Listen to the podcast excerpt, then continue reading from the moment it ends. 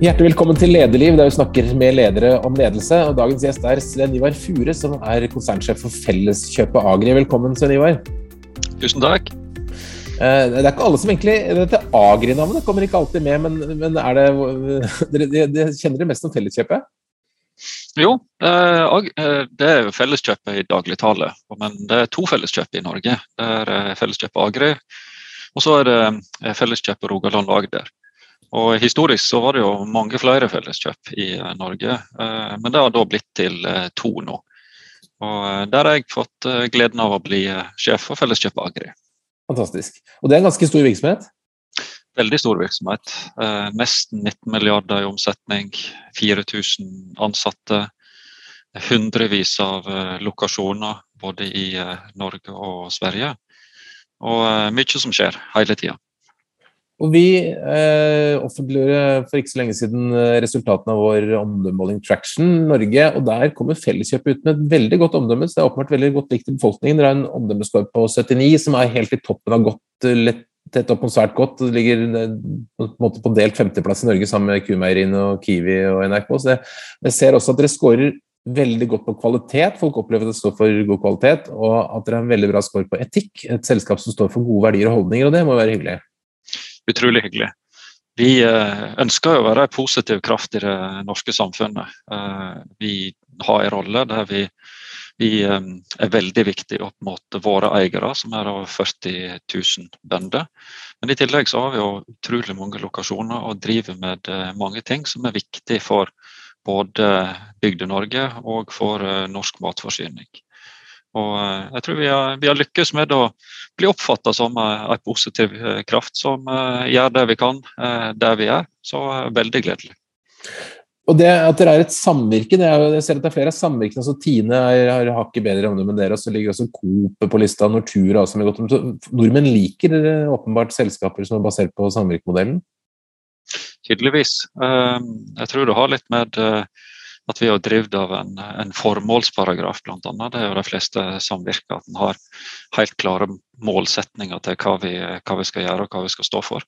Og Våre er jo da å skape styrke lønnsomheten for eh, bonden i eh, landbruksdrifta, eh, både på kort og lang sikt. Og så gjør vi da ting eh, ikke bare direkte inn mot det å levere gjødsel og såkorn og eh, for. men også det å drive avdelinger og, eh, som støtter lokalsamfunn rundt omkring i Norge. Det, det er meningsfullt. Jeg tror mange, Dere har noe, hatt noen veldig vellykkede kampanjer, gjort fine ting på sånn uh, salg av, av hage, hageutstyr og sånn mot, mm. mot publikum, folk flest. Men den store virksomheten handler vel om å selge, selge ting til bønder? Ja, definitivt. Um, jeg tror nærmere 7 milliarder av omsetninga er direkte la si, landbrukssalg. Eh, og 6 milliarder går via butikkene våre, da, eh, delt mellom eh, Norge og Sverige. Og det har jo vært en ganske stor vekstdel eh, av Felleskjøpet gjennom den, den perioden som vi har hatt. Folk har blitt eh, mer opptatt av eh, husheim, hage, kjæledyr. Og der har vi et veldig godt tilbud eh, til folk. det som jeg sier at vi, vi kan gi forbrukerne tilgang på det som bonden kjøper, og til det som bonden kan. Og Det er jo midt i blinken her når du ser på dyrehold og hus og hage. Det er én til én med landbruket. Jeg er veldig fan av Felleskjøpets T-skjorter, jeg har flere. Det ses ofte i den grønne T-skjorten med striper på. Men, men uh, dere spiller da en viktig rolle i, i, selve matsikkerheten i Norge?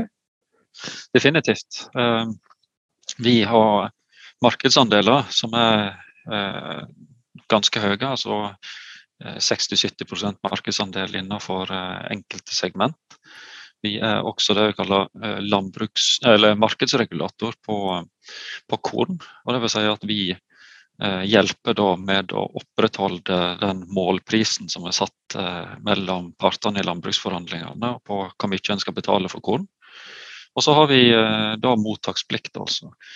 Eh, så i utlandet så er jo hvis bonden er uheldig, så eh, på en måte får han han har sagt en dårlig avling med Eh, han har kanskje ikke den kvaliteten som han ønsket. og Da vil han ha problemer med å levere det til kjøpere.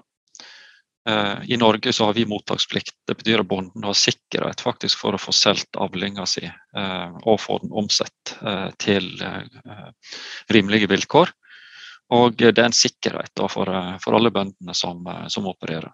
Og I tillegg så leverer vi ut eh, varer på altså alle plasser i landet som eh, det går an å drive landbruk.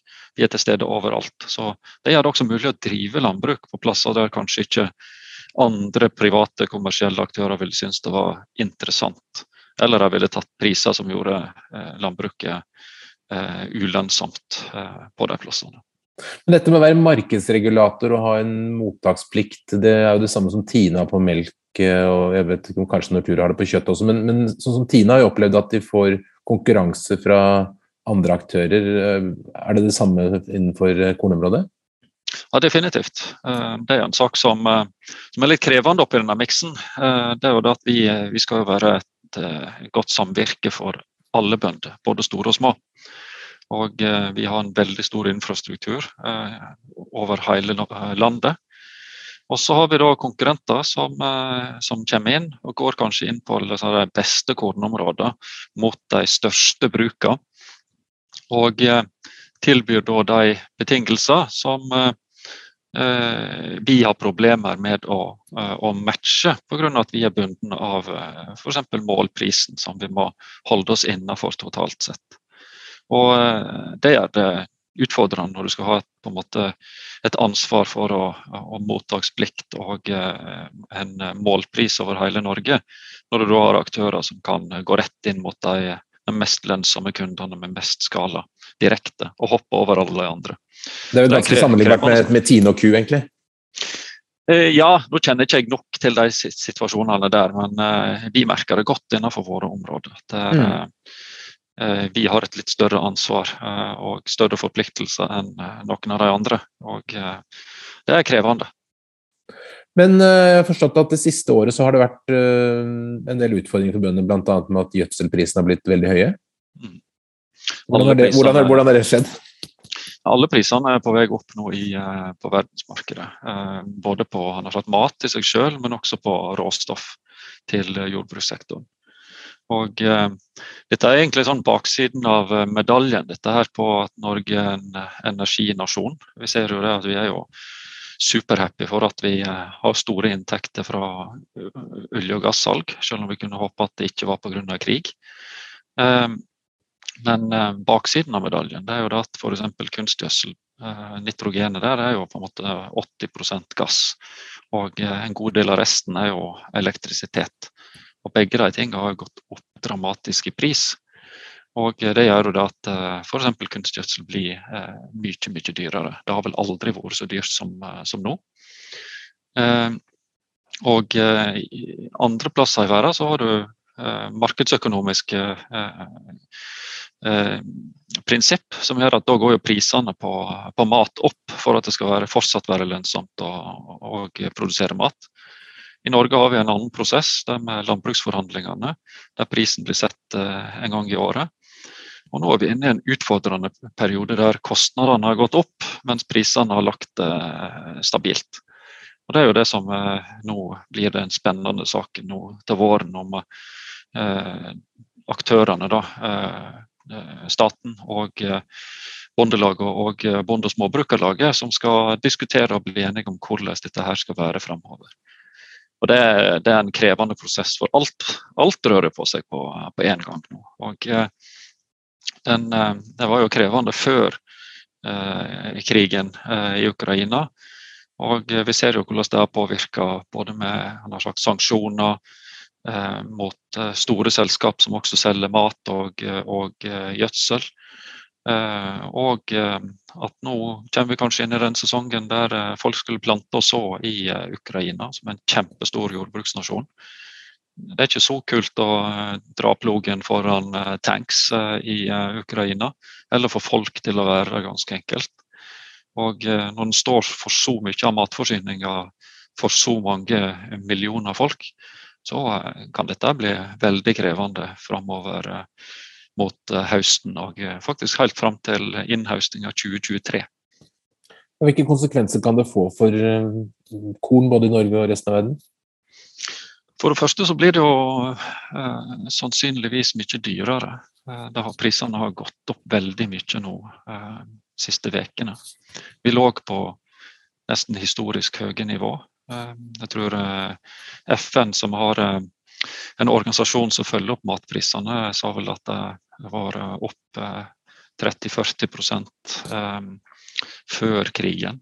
Og nå ser vi at det har gått ytterligere opp. Jeg har ikke noen tall, men vi ser det at nå, nå går prisene opp på samme tid som store matproduserende land i Øst-Europa nå stopper eksporten av mat.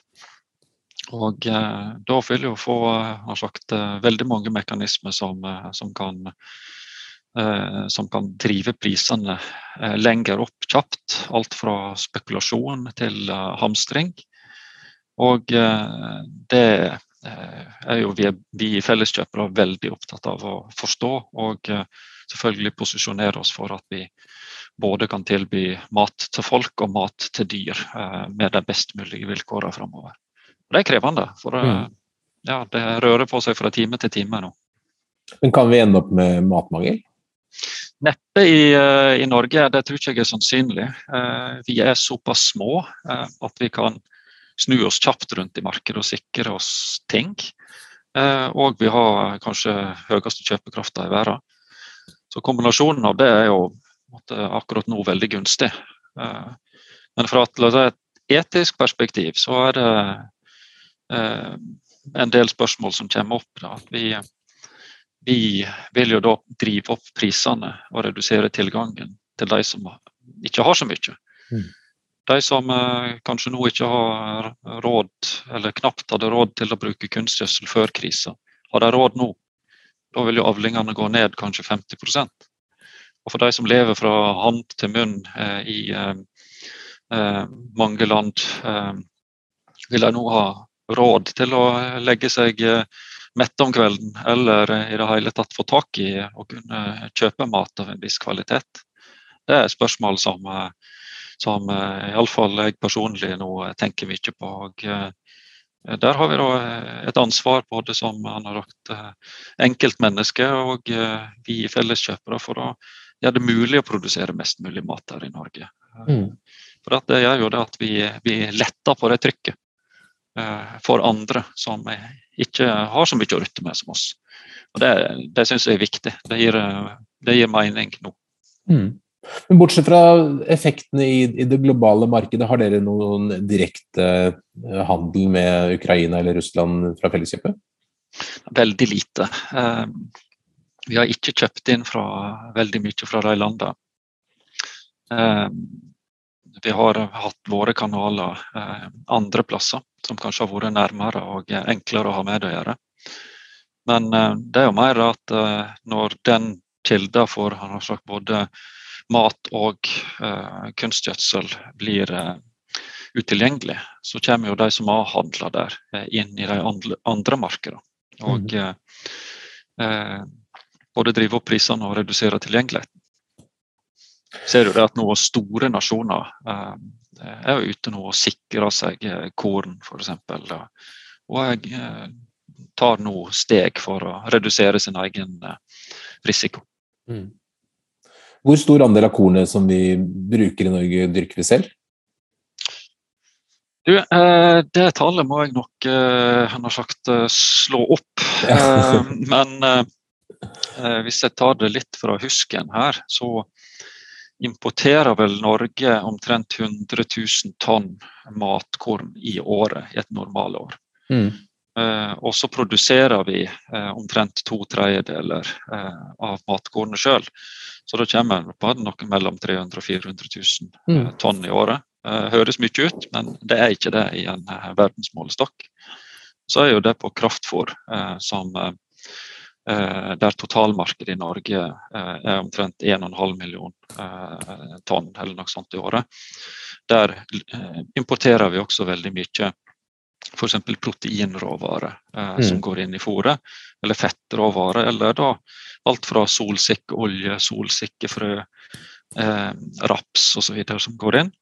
Og det er jo ting som blir dyrka, spesielt solsikker, i stort monn i Ukraina bl.a. I områder rundt Kharkiv, der det verste kriginga pågår. Så det er jo en grunn til at det er nasjonalblomsten i, i Ukraina. Det, mm. det, er kjempestort der. Så er en, vi er en del av et globalt spill, i hvert fall når det gjelder matvarer? Definitivt. Og der har vi både en fordel og ulempe av å være små. Uh, men det koker uansett ned til at nå må vi gjøre det vi kan for å produsere den maten som vi har grunnlag for å produsere i Norge. Hmm. For å snakke litt om deg, Sven Ivar. Du kom jo til Felleskjøp Agri i fjor som konsernsjef etter noen år i Norsun med solenergi, og så har du før det vært i Aker Solutions og ulike deler av Aker Subsea og Kverner og sånne ting. Men, men du vokste opp på gård, så du, du, hører til i landbruket? Ja, det stemmer. Jeg vokste opp på en uh, liten uh, gard. Uh, der drev vi med, eller driver da, broderen som har overtatt, han driver med kyr. Og også så drev vi med pelsdyr, så lenge det gikk an.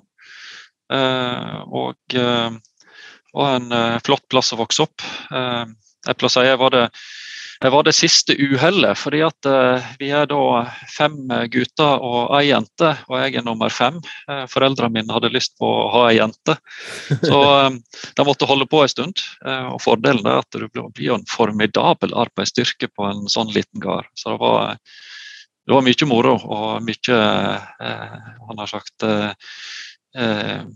ja, Slåtten hadde vi en prøvde hvert år å sette rekord. Hvor fort kunne vi gjøre det kontra siste år. Det var artig når vi fikk det til. Altså. Ja, for Når man vokser opp på gård, så lærer man å jobbe? Ja, definitivt. Um, og på den tida så var det også litt enklere å få lov til ting, som nå kanskje en, han blir umiddelbart meldte lensmannen for å gjøre. Men det var da mulig å både sagt, kjøre traktor og eh, det meste annet. Ikke nødvendigvis uten alt papirarbeidet på, på plass. Hvor gammel var du første gang du kjørte traktor? Åh, Det husker ikke jeg. Men eh, det må jo ha vært en eh, ja, tolv år eller ti, alene, mener jeg. Altså, jeg fikk jo sitte på og kjøre og styre ganske tidlig. Men det var jo mer sånn at når du greide å rekke ned til pedalene og så, videre, så kunne du kjøre lite grann. Det gikk jo ikke fort, da. Men uh, du ble godt, godt, kjent med å flytte traktoren ti meter, og så fortsatte du sånn etterpå. Jeg har vært borti arbeidsgivere som bare ansatte folk fra gård, fordi det er de som kan jobbe? Ja, det er jeg hørte at uh, Forsvaret var jo uh, tufta på også veldig mye folk fra, fra bygdene. Men eh, jeg prata med en kar fra Forsvaret, og nå sa han nå hadde de et problem. For nå har de sluppet opp for eh, gardsgutter i Norge generelt. Ja. Så det, det endrer seg. Men det har iallfall vært flott bakgrunn for meg. og ja, som du sier, En har lært å jobbe, men en har også lært at en kan mestre ting. Eh, nesten uansett hva det er. Men med din plass i søs søskenflokken så ble du kanskje ikke sjefen eh, på gården. Hvem var det som, hvem var det, når du tok du første gang ledelse for noe? Uh, det var litt mer i eh, skolesammenheng. Uh, og uh, sånn typisk tillitselev og den biten der. og videre også når jeg begynte på på NTNU at jeg tok noen verv sånn sett. Uh, blant annet så Jeg hadde jo ikke vært på et fly før jeg var 19 år, tror jeg. eller vært ute av Norge før jeg var vel 20. Og, så jeg meldte meg som leder for ekskursjonskomiteen, for jeg hadde jo lyst til at vi skulle ta oss en tur til Asia. Så da fikk vi en slags satte i gang en stor aksjon, så vi fikk eh, masse sponsorinntekter. Vi reiste til Singapore og Kuala Lumpur, besøkte forskjellige norske bedrifter der. Og så fikk vi oss også en uke fri, eh, så da reiste vi til Bali. Så Jeg husker fremdeles eh, som om det var i går, da jeg gikk ut av flyet på flyplassen i, Singapore og så fikk den tropiske lukta, den litt sånn røykelsesaktige eh, lukta fra nær sagt, eh, disse landene i tropene midt i ansiktet. Det var liksom kjempeinntrykk. Altså. Her, eh, det var noe som, du, noe som, du, hadde fått til? Ja, altså det, var, eh, det var selvfølgelig et kjempestort lag som jobba for det, men det var, det var moro å få gjort sånne løft. Og så var det spennende for meg. da. Så Første gangen jeg var utenfor landet, så sto jeg i Singapore. så Jeg har ikke vært i Sverige engang. Fantastisk. Det er en helt utrolig opplevelse. Også, også en, god, en, god, lederopplevelse, helt åpenbart. Eh, men hva er den røde tråden gjennom karrieren med Aker Solutions Nordsjøen og, og så til fellesskapet? Ja, det tenkte jeg litt på før vi skulle møtes. og Jeg tror det røde tråden er tilfeldigheter. Timing, eh, og at en har eh, vågd å gripe muligheter. Og hatt mer flaks enn uflaks. Eh, jeg tenker tilbake på alle de liksom, møter og situasjonene og tingene jeg har vært i. så er det jeg har vært heldig. Jeg har sånn, truffet de riktige folka, vært med på de riktige prosjektene. Og det betyr en del ting, altså, når en, når en er tidlig i karrieren, ikke minst. Mm. Men du har jo da etter hvert utviklet en del ledererfaring, så kom du til Felleskjøp Agri i fjor som konsernsjef. Da, med den ballasten du hadde, hadde du noen klare tanker om hva slags leder du ønsket å være for dette store konsernet? Det, det hadde jeg. For jeg, jeg, kommer jo fra bygda. Eh, jeg kjenner liksom eh, veldig Jeg har vokst opp sammen med eh, bønder. Og jeg på en måte har den bakgrunnen jeg har. Og også så har jeg sett på Felleskjøpet fra, fra utsida. Og stor respekt for det som har gjort. Så jeg ønsket å komme inn og lære å få innspill fra folk som er på, på innsida. Både eh, på eiersida, altså et veldig sterkt eh, eierdemokrati i Felleskjøpet. Og også fra de som, eh, som, har peiling, som jobber her. Eh, det er folk som har jobba her i nær sagt hele sin karriere. Eh, de vet hva de driver på med. Og eh, for meg, når jeg kom inn, så var det viktig å, å få inntrykk, lære før en begynte å ha altfor sterke meninger om hva som skal gjøres. Um, så jeg reiste jo omkring i hele Norge, møtte med eierne og tillitsvalgte rundt omkring der de var, og var ute på avdelingene. Så jeg har brukt mye tid på å prate med, med folk. speed dating med alle på nivå tre, bl.a. før jeg begynte for å, få, for å få inntrykk, for å få historiene og lære å kjenne personene. Det har vært viktig. Uh, Snakket du med broren din? Ja, eh, men eh, som verden er mer enn et lite melkebruk i, i Stryn. akkurat det, Jeg skal ikke måtte se på norsk landbruk som over, å reflektere akkurat det. Men som jeg har sagt til mange, jeg har brukt 20 eh, år av min karriere på å prøve å finne ut hva kundene mener og hva de ønsker. Og Her kan du reise på besøk eh, til folk, enten i, sagt, stå i melkerommet eller eh, med kjøkkenbordet, og så får du deres forventninger og hva du bør fikse og hva som fungerer bra, uten filter. Mm. Som jeg sa til enkelte, av og til hadde jeg kunnet ønske at det var litt mer filter. Men det er en stor styrke i et selskap som dette her, at du slipper å gjette. Men nå har du, du har jo brukt veldig mange år i Aker-systemet, som jo har i hvert fall én veldig tydelig og bestemt eier. Eh, nå har du et sted hvor det er veldig mange likeverdige eiere. Hvordan, hvordan er, det liksom, er, det, er, det, vanskelig å skulle gjøre så mange eiere fornøyd? Eh, det er det selvfølgelig. Jeg tror eh, nok graden av å være fornøyd er høyst varierende. Definitivt. Det er jo som alle andre plasser. Eh, men og etter at du kom inn, så har det bare blitt verre? Det har bare blitt høyere priser og bare elendighet etter at du kom? Ja, for oss er det sånn vi bruker veldig mye tid på å forklare hva som skjer, eh, og å være tett på. F.eks. sette opp korte møter der de si, 150-160 eh, tillitsvalgte på, i sentrale posisjoner i Norge på eiersida. Eh, at vi bruker tid med dem og forteller dem hva som foregår, og hva vi vet og hva vi ikke vet. Direkte kommunikasjon. Det er noe, mm. noe veldig viktig. Du for, Det ble offentliggjort for et par uker siden at du sa fra deg bonusen din for i fjor, selv om du hadde krav på den. Hvorfor gjorde du det? Det hadde jeg tenkt på en god stund. Eh, og eh, det var en, en, en refleksjon som har gjort meg måte når, når, høsten kom, eh, når, eh, etter å ha fått alle de historiene fra, fra eh, folk som jeg har, har, møtt, som har det veldig krevende med at eh, inntektene deres blir regulert en gang i året og kostnadene går opp. Og folk havner i denne skvisen der de må, måtte velge hva for en regning som de skal betale først og sist. Og uh, da var det for meg veldig vanskelig. Selv om, eh, selv om, vi hadde oppnådd veldig mange av målene våre, så var det veldig vanskelig for meg å, å eh, ta eh, ut en bonus i et år der veldig mange av eierne våre eh, er veldig på minussida når det gjelder sine inntekter.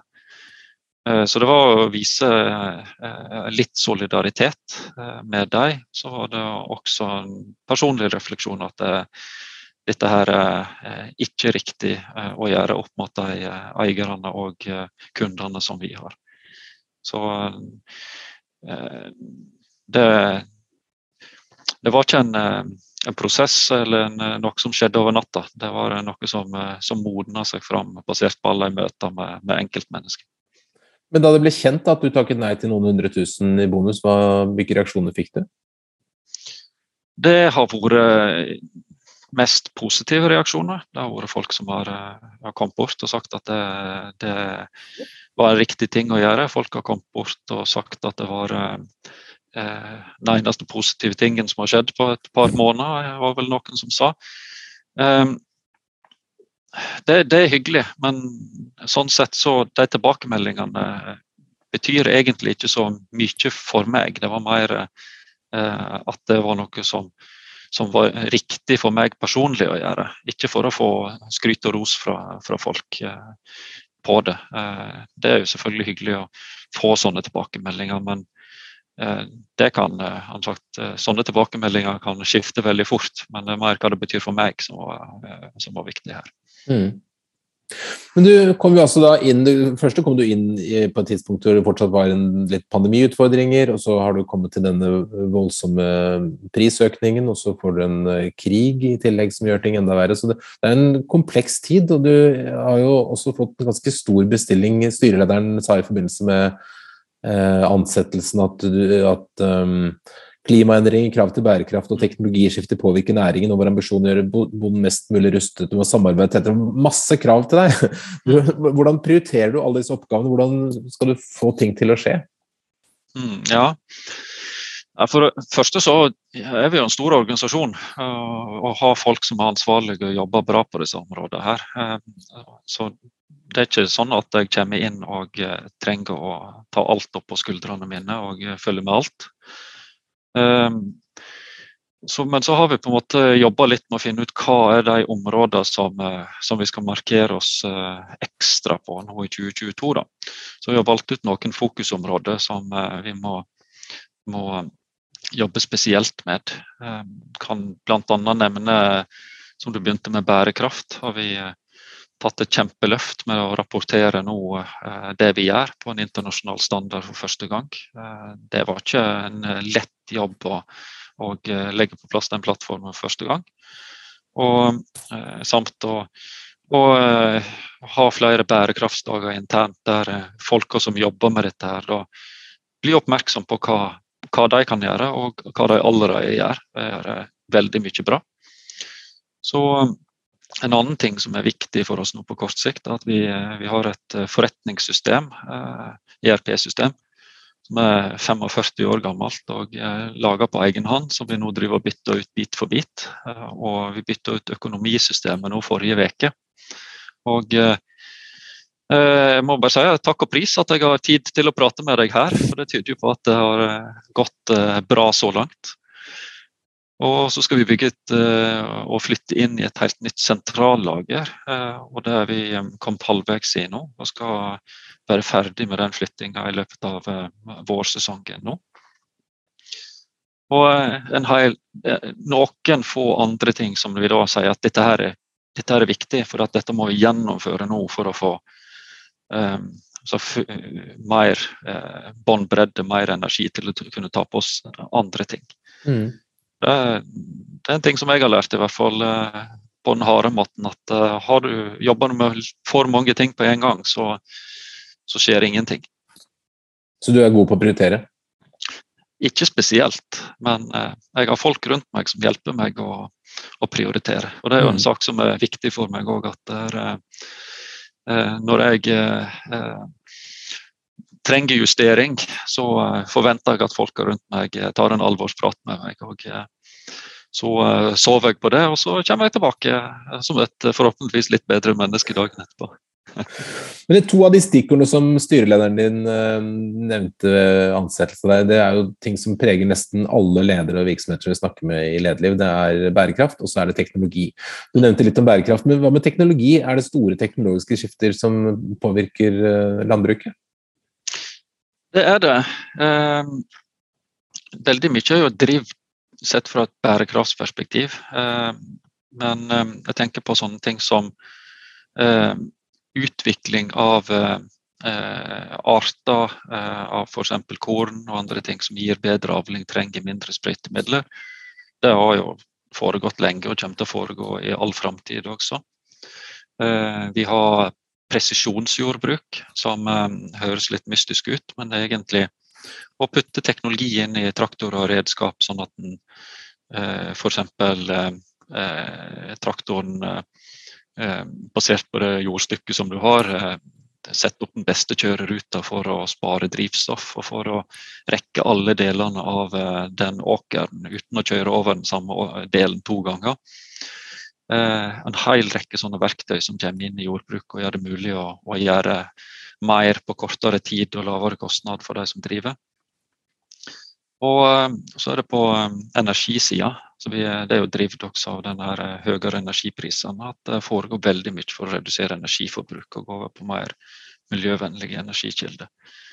Så vår oppgave kanskje ikke å finne opp disse tingene her, men å ta dem i bruk på det riktige tidspunktet. Eh, Både da bærekraftige tiltak og ny teknologi og sånn krever jo, vil i veldig stor grad kreve investeringer og innsats fra bonden. og Det er jo kanskje vanskelig å komme med det til en bonde som allerede sliter med å betale regningene sine pga.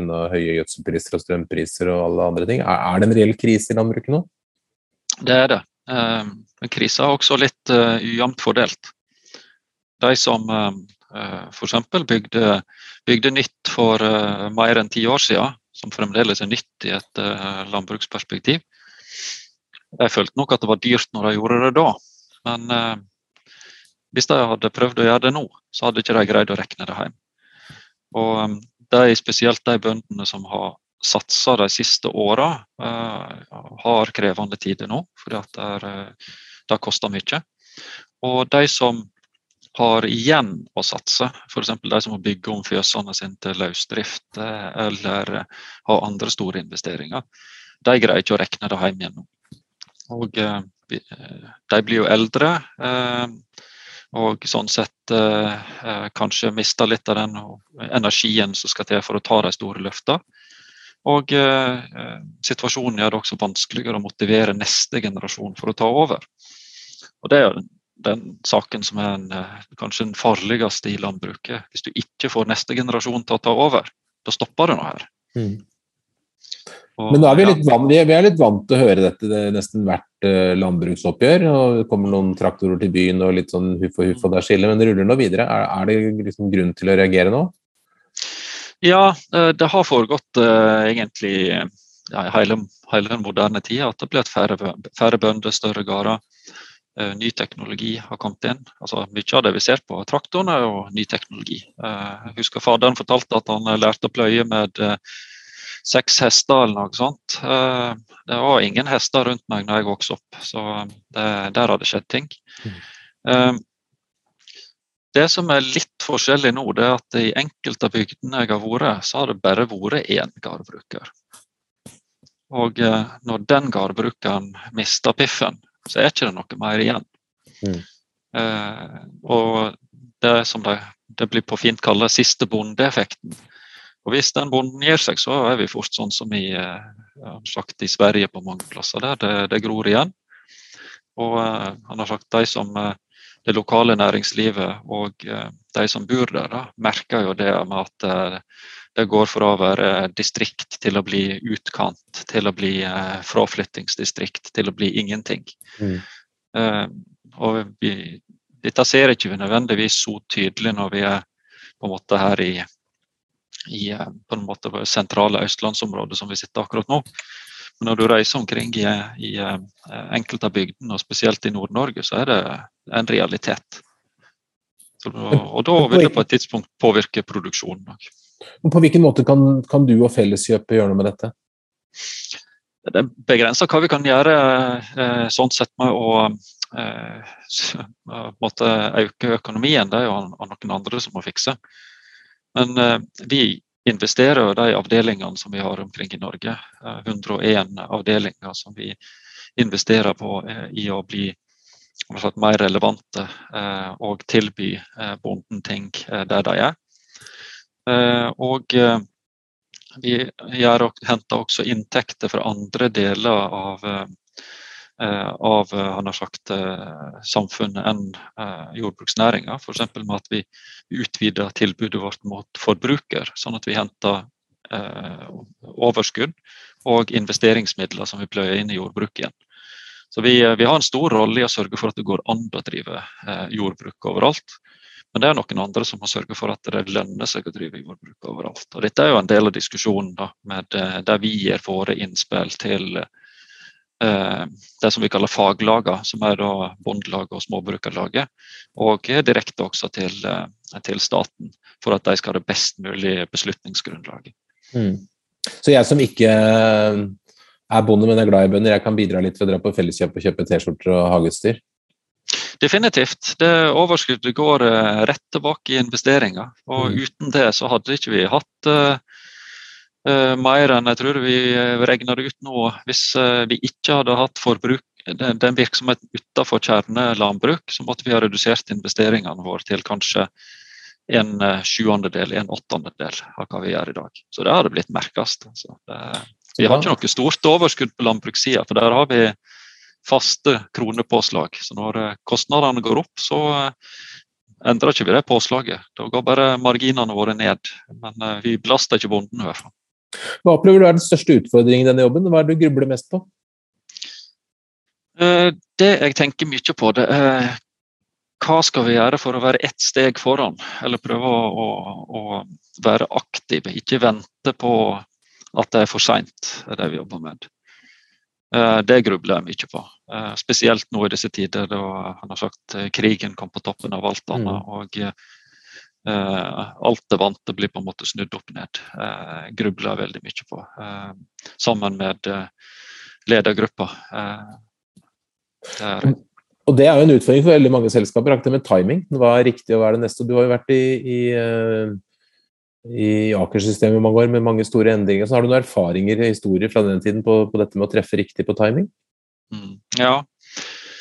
Eh, der er jo timing veldig viktig, men også det å ha mot til å satse. Eh, det er som Aker-systemet og den delen jeg var i, var jo veldig prosjektdrevet.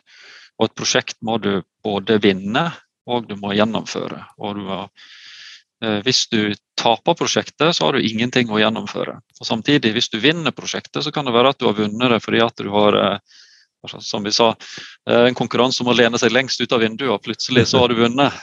Og her er det også at du Vi konkurrerte ofte med den dummeste gutten i klassen, og hvis vi vant, så var det oss, for da hadde vi solgt noe som vi tapte penger på. Og det å være klar over det, samtidig som at du måtte hele tida finne på noe nytt for å være ett steg foran konkurrentene. Og gå så langt eh, i å, eh, å, eh, både redusere kostnadene og utfordre deg selv på gjennomføring. At du, en, at du var ukomfortabel. Det var hemmeligheten til å vinne prosjekt. Og så måtte du ha gode folk for å gjennomføre etterpå. Mm. Så du egentlig hele tida går på en knivsegg, og du må hele tida ta risiko. Du må søke risiko for å i det hele tatt vinne de nye jobbene. Så det har nok vært en eh, sånn sett eh, eh, god trening på mange områder for mye i livet. Og en fantastisk tid, definitivt. Men hvordan jobber du for å på en måte skjønne hva som blir det neste, da? For å prøve å se rundt svingen. Hvordan, hvordan orienterer du deg? Det første er å prøve å følge med da, litt i uh, hva som skjer ute i uh, verden. Prate med folk. Uh, og så er det det rare at når du samler litt noen folk for å prate om en ting, så stimulerer du på en måte at det kommer fram ideer og refleksjoner som Hvis du hadde sittet der alene, de samme tre personene, så hadde ikke, hadde ikke du fått det til på egen hånd. Eh, med uendelig tid, nesten. Men kommer de tre riktige personene sammen, så, så eh, får du ideer som du heller ikke hadde hatt før. Og greier å på en måte det heter på fint å utfordre hverandre, men det er jo egentlig å stimulere hverandre med å komme opp med, med, med nye ting og strekke seg litt lenger. Og um, det gjør vi mye av. Eh, det være seg på, på, eh, telefon to og to eller i, eller i gruppe. Og prøve å tenke hva burde vi gjøre nå eh, som vil være riktig om to-tre måneder. Eller snu det på rundt. da. Hvis du beveger deg tre måneder fram i tid og ser verden da, hva ville du da sitte der og angre på at du ikke gjorde i dag? Det er ganske interessante sånn, tankeprosesser for å Eh, for å mobilisere eh, ideer og eh, pågangsmot. Men Er det vanskelig å prioritere nok tid til den typen arbeid når du har så mange pågående hendelser og endringer av systemer og kriger og andre ting? Både ja og nei. Det er jo egentlig disse situasjonene som driver de prosessene. Det er da du må tenke litt ut av boksen. Og sette i gang sånne prosesser. Mens eh, når ting går som det skal, eh, så er jo på en måte det landbruksnæringa eh, i det store og det hele veldig stabil. Du vet at etter vinteren kommer våren, og etter våren kommer vekstsesongen osv. Det, det kan du egentlig stille klokka etter. Men når sånne ting som dette her skjer, så, så det er en X-faktor som du ikke hadde tatt med i betraktning. Men man snakker, snakker mye om sånn sunt bondevett. Er det noe som holdes høyt hos dere? Ja, definitivt. Personlig liker ikke jeg eh, uttrykket. Eh, for eh, det fins både han har sagt, gode og mindre gode ideer han har sagt i denne næringa også, så du skal ikke generalisere. Men jeg, jeg tror mer på at vi skal tenke på å tilby hele Norge det som bonden kan. Det, det, er mer vår oppgave. Og så eh, får andre gjøre sine betraktninger om, eh, om det er sunt bondevett eller hvor smarte vi er. Men eh, vi skal iallfall gjøre vårt. Mm. Nå er du ganske ny om bord som uh, sjef. Har du noen tanker om uh, hvordan du vil at uh, Felleskjøpet skal forandres i den tiden du er leder? ja, det har jeg noen betraktninger på. Og det som vi jobber mye med, det å, å finne ut hva er eh, faktisk den kjerna i virksomheten vår, og hva hører naturlig til den. Eh, hva kan vi bygge på? Eh, for det, det gir oss en del svar på hvor vi skal være best, og hvor vi skal bruke mest mulig tid. For Historien har vist at egentlig alle bedrifter, da, hvis du, du kan komme opp med veldig smarte eh, ideer som som eh, ligger utenfor det du driver på med. Men eh, ofte så er det også ideer som krever uendelig med tid og energi for å få det til å funke. Og eh, det som var smart, da finner du også, eller det du trodde var smart, så finner du ut at du hadde egentlig ikke peiling. Eh, men, eh, og historien i Felleskjøpet er at vi har fått til utrolig mye bra. Men vi har fått det mest bra når det har vært ting som har vært tett på det vi allerede kan. Et eksempel eh, det er eh, fôr til kjæledyr. Eh, det kom opp som en vill idé i systemet rundt år 2000. Og det har blitt en kjempevirksomhet for oss med Lab og Appetitt som merkenavn. Og det kan vi ha en enorm skalafordel på, fordi at vi produserer den i samme fabrikk som vi produserer kraftfôr.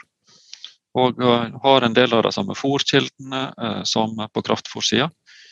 Så da er det noe som i, kanskje du ikke ville tenkt på i utgangspunktet at Felleskjøpet skulle drive på med. Men det passer så godt inn i det vi driver på med. Både kan vi produsere på de store anleggene våre, og vi selger det i butikkene våre. Så det hører sammen og gir mening for oss. Så det, I din tid så kommer vi til å se kanskje ikke de helt crazy tingene på, på siden av det som er, men mer som er knyttet til kjernen? Det både tror og håper jeg. At vi fokuserer på å bli enda bedre og enda bredere på de tingene som, som vi har et grunnlag for å være best og størst på. Mm. Helt til slutt, hvis det kommer en ung person til deg, Sven Ivar, som har lyst til å bli leder, hva er de tre viktigste rådene vi gir for å være en god leder? Uh, ja, jeg tror ikke jeg skal være for uh, Han har sagt uh, prøve å framstå for klok, for det er ikke jeg. Uh, men jeg tror jeg ville ha spurt om, om For det første, er du villig til å gjøre jobben? Altså i gode og dårlige tider. For det krever en del. Det, det eter deg opp, altså. Og det andre er at da du, respekterer du de folka. Eller respekterer du folk, fagfolk, Eh, med erfaring, eh, unge folk med ambisjoner osv. Og, så og det tredje er eh, ja, er du interessert? Er du interessert i det som du skal drive på med? interessert nok til å gå inn for å forstå det og for å være en, en, en sagt, det som på fint blir kalt en sparingpartner eller diskusjonspartner. Og det er summen av dette. her. Jeg, jeg har veldig trua på det å være interessert og, og, gå, og på en måte prøve å, å, bli en del av det du jobber med. Ikke stille deg på utsida. Det, det, tror jeg på. Det høres ut som en veldig god vurdering. Svein Sven Ivar Fure, tusen takk for at du ville være med i Lederliv. Tusen takk til deg. Lederliv er en podkast fra kommunikasjonsbyrået Apeland. Vi legger ut nye episoder hver fredag. Redaksjonen består av Ellen Paulsen, Lars Jarle Melum, Lars Volden og meg, som heter Ole Kristian Apeland. Vi er glad for alle mulige former for ros og ris og stjerner og likes og hva det måtte være for noe. Eh, man kan f.eks. sende det på e-post til meg på ole.apeland.no. Takk for at du lytter.